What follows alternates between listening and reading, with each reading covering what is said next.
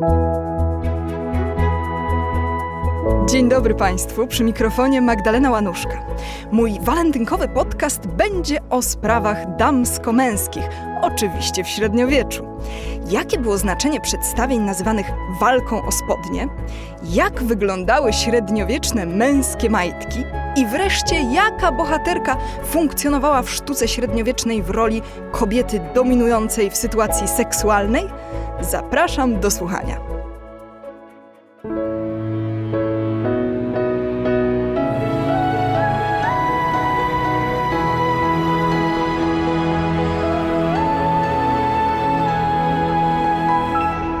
Podcast powszechny. Weź, słuchaj. Dynamika w relacjach damsko-męskich to moim zdaniem jeden z najciekawszych elementów dawnej kultury wizualnej. Dziś w podcaście Sztuka Powszechnie Nieznana opowiem Państwu o pewnych motywach dotyczących związków, które trwały w sztuce europejskiej przez całe stulecia, bardzo często występując w kontekście satyrycznym. Do takich należały na przykład tak zwane niedobrane pary, czyli przedstawienia związków ze znaczącą różnicą wieku. To były obrazy prześmiewcze. Rzadziej spotykane, chociaż trafiały się czasami, były takie, gdzie stara kobieta ma młodego kochanka, no w domyśle utrzymanka. Natomiast bardzo często zdarzały się satyryczne odniesienia do niedobranej pary, w której starzec związany jest z młodą dzieweczką. Zarówno sztuka, jak i literatura dawnych wieków pełne były takich historii, zresztą często z życia wziętych. Dziewczyna zostaje wydana za starego męża, a on potem nie daje rady zaspokoić jej fizycznych potrzeb. Zazwyczaj w takiej sytuacji zjawia się młody kochanek, a zatem w motywie niedobranej pary starszy mąż niejako automatycznie występuje w roli potencjalnego rogacza. Te toposy przenikały także do sztuki sakralnej. W roli starego męża młodej dziewczyny, który będzie wychowywał nie swoje dziecko, występował święty Józef. O tym pisałam do bożonarodzeniowego numeru Tygodnika Powszechnego i oczywiście w serwisie ten artykuł jest wciąż dostępny do czytania online. Ale satyrycznych wątków w kontekście nie do końca zgranych par było więcej. I nie musiało chodzić tylko o różnicę wieku. Ciekawym motywem, obecnym szczególnie w grafikach średniowiecznych i nowożytnych, była tak zwana walka o spodnie. Chodzi mianowicie o dominację w związku. Przysłowiowo o to, kto w danym małżeństwie nosi spodnie mąż czy jednak żona. Oczywiście naturalna kolej rzeczy w założeniu była taka, że owym władcą, głową rodziny jest mężczyzna. Kobieta próbująca przejąć jego rolę przedstawiana była jako sekutnica, naruszająca odwieczny porządek społeczny. Znajdziemy takie przedstawienia, w których mąż i żona dosłownie walczą o jedną parę spodni, biją się o nie. Przykładem może być grafika Johanna Theodora de Brie, wydana we Frankfurcie pod koniec XVI wieku. Jej reprodukcja oczywiście już teraz jest na stronie mojego podcastu w serwisie Tygodnika Powszechnego. Jeśli zaś chodzi o przykłady późno-średniowieczne, to szczególnie popularne są grafiki Izraela van Mekenema, datowane na koniec XV wieku. Tu mamy do czynienia nie tylko z satyrycznym ukazaniem zaborczej żony, ale dodatkowo obśmiany zostaje mąż, który wcale nie walczy, jest po prostu pantoflarzem, daje się zastraszyć swojej żonie, a nawet zbić.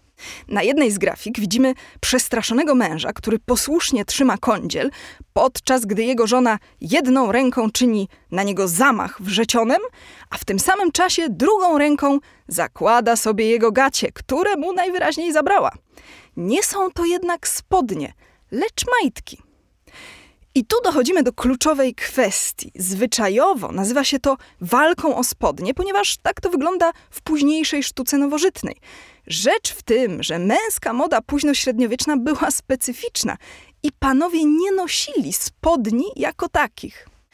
Otóż na nogach mężczyźni nosili nogawice, czyli coś, co przypominało pończochy. Były to wąskie nogawki wraz ze stopami, które przypinano czy też przywiązywano do talii bielizny. A więc właśnie majtki były niezbędnym elementem męskiego stroju. Do tego najczęściej noszono kaftany czy kubraki, generalnie różne wierzchnie szaty, które zazwyczaj sięgały ud. We wcześniejszym średniowieczu te męskie majtki miały formę takich luźnych, suto marszczonych gaci, a potem im później, tym bardziej się zmniejszały, zbliżając się w XV wieku do czegoś, co dzisiaj nazwalibyśmy raczej damskimi figami w wersji sznurowanej na biodrach, tylko że to nosili panowie. Utrata majtek była dla mężczyzny upokorzeniem. Zdarzała się w kontekście prześmiewczym, nawet w sztuce sakralnej. Oto przykładowo w XIV-wiecznym rękopisie Mszału Godzinek, przechowywanym dziś w Bibliothèque Nationale de France w Paryżu, mamy miniaturę ukazującą męczeństwo świętego Szczepana i jeden z jego oprawców został ukazany jako mężczyzna bez majtek, w dodatku jeszcze w momencie, kiedy nogawice mu się odpinają. W ten sposób artysta późnośredniowieczny napiętnował postać kamienującą świętego. Jeśli zaś chodzi o kształt późnośredniowiecznych męskich majtek, to bardzo ciekawym źródłem w tej kwestii może być jedna z nowelek z Decameronu Giovanniego Boccaccia. Tutaj muszę Państwu powiedzieć, że jakoś tak ostatnio ciągle wracają do mnie aspekty lost in translation. E, na przykład na moim blogu znajdziecie Państwo wpis dotyczący świętego Józefa i zagadnienia frustracji seksualnej, i tam z kolei pojawił mi się kontekst zgubionego w polskim przekładzie motywu beczki w starofrancuskich opowiadaniach Jeana Bodela. No to już zupełnie inna kwestia. W każdym razie konkluzja jest taka, że jak chcemy ze średniowiecznych dzieł literackich wydobywać przekazy związane z codziennością, z przedmiotami, z tym, jak funkcjonowały kulturowo, no to niestety trzeba sięgnąć do tekstów w oryginałach. Powszechnie znany polski przekład Decameronu jest dziełem Edwarda Boye z lat 50. XX wieku. No to jest zresztą znakomity przekład, ale akurat w kwestii majtek może być dla nas trochę mylący. Otóż w opowieści drugiej, dnia dziewiątego, mamy taką historię. W pewnym klasztorze w Lombardii była piękna młoda zakonnica, która przyjmowała w celi kochanka. Inne siostry, no, głównie chyba z zazdrości, pobiegły w nocy do przeoryszy, aby ją przyprowadzić w momencie, kiedy można było nakryć młodych na gorącym uczynku. Niestety, przeorysza akurat zabawiała się w swojej celi z pewnym księdzem. Ubierając się w pośpiechu, założyła na głowę nie swój welon, tylko. No właśnie, co takiego? W polskim przekładzie czytamy: Mniemając, że bierze do rąk fałdzistą zasłonę, którą mniszki tamtejsze psałterzem nazywają, pochwyciła spodnie ojcaszka. I teraz uwaga. W oryginale mamy informację, że przeorysza założyła gacie księdza zamiast welonu, zwanego il saltero, co jest archaiczną wersją słowa salterio, które owszem może oznaczać psałterz, czyli księgę psalmów, ale także jest to określenie instrumentu muzycznego, który po polsku nazywa się psalterium albo psalterion. To jest instrument, który miał płaskie pudło rezonansowe w kształcie trapezu, trójkąta albo prostokąta z rozpiętymi na wierzchu strunami, które się szarpało albo uderzało w nie pałeczkami. Już teraz na stronie mojego podcastu możecie Państwo zobaczyć, jak wyglądał taki średniowieczny psalterion. I bardzo często miał on po prostu kształt majtek, takiego trapezu z wklęsłymi wycięciami. Więc owe gacie księdza, w oryginale mamy to słowo lebrache, to nie były żadne spodnie, tylko właśnie majtki. I dlatego w dalszej części opowieści pojawia się taki oto fragment. Gdy przeorysza nie ustawała w srogim gniewie swoim, dziewczę ośmieliło się wreszcie błagalnie oczy podnieść i wówczas spostrzegło, że przełożona ma na głowie spodnie, których tasiemki z obu stron na skronie jej spadają.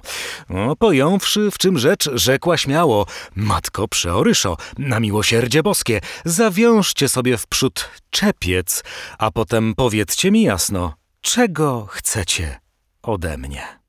Oczywiście welon to nie czepiec, znowu to nie jest dobre słowo, a te tasiemki po bokach mogą nam się wydawać bez sensu przy spodniach, natomiast są jak najbardziej na miejscu, jeśli chodzi o późno-średniowieczne męskie majtki. W ogóle trzeba powiedzieć, że z majtkami to ma sens. No, omyłkowe założenie na głowę męskich spodni trudno sobie tak naprawdę wyobrazić, podczas gdy rozsznurowane męskie majtki miały faktycznie formę płaskiego kawałka materiału z tasiemkami. I można to było pomylić z welonem, który najwyraźniej też miał kształt majtkowy, skoro nazywano go psalterium. No to teraz wróćmy do naszych spraw damsko-męskich i do kolejnej grafiki Izraela van Meckenem, znów czasem określanej jako walka o spodnie. Ta druga grafika jest bardziej bezpruderyjna, jakkolwiek współczesny odbiorca może tego na pierwszy rzut oka nie zauważyć. Widzimy tutaj żonę bijącą męża wrzecionem, a ów nieszczęśnik no, próbuje się osłonić, ale mu nie idzie, a jego przegraną pozycję podkreśla fakt, że spadły mu majtki. Owa część przyodziewku leży na ziemi, tylko właśnie dla nas nie jest to czytelne, bo to po rozsznurowaniu, jak przed chwilą wspomniałam, jest po prostu prostokątny kawałek materiału z tasiemkami. No i jak się dobrze przyjrzymy, to zobaczymy pod rozchylonymi połami szaty tego pana, że w rzeczy samej jego genitalia są nieokryte. A za jego plecami diabeł się cieszy, bo ogólnie to jest fatalna i grzeszna sytuacja, że mąż tak się pozwala zdominować swojej żonie. Sztuka powszechnie nieznana. Opowiada Magdalena Łanuszka. No to na koniec tej walentynkowej opowieści nie odmówię sobie historii o dominatrix, najczęściej występującej w sztuce średniowiecznej. Chodzi mianowicie o Filis jadącą na Arystotelesie. To jest ilustracja legendy popularnej od XIII wieku, która stanowiła element zbioru różnych opowieści, których bohaterem był Aleksander Wielki. W tym przypadku chodziło o to, że Aleksander miał piękną kochankę Filis, a Arystoteles ganił władcę, że za dużo czasu jej poświęca. W rzeczywistości chodziło o to, że stary filozof sam pragnął Filis, a ona postanowiła zemścić się za próbę rozbicia jej związku z Aleksandrem. Powiedziała Arystotelesowi, że spełni jego pragnienia, tylko najpierw chce przejechać się na jego plecach, założywszy mu uzdę i popędzając go batem. Po prostu filozof miał posłużyć jej za konia i opętany rządzą starzec zgodził się na to. Oczywiście złośliwa Filis zadbała, by Aleksander Wielki został świadkiem upokorzenia Arystotelesa.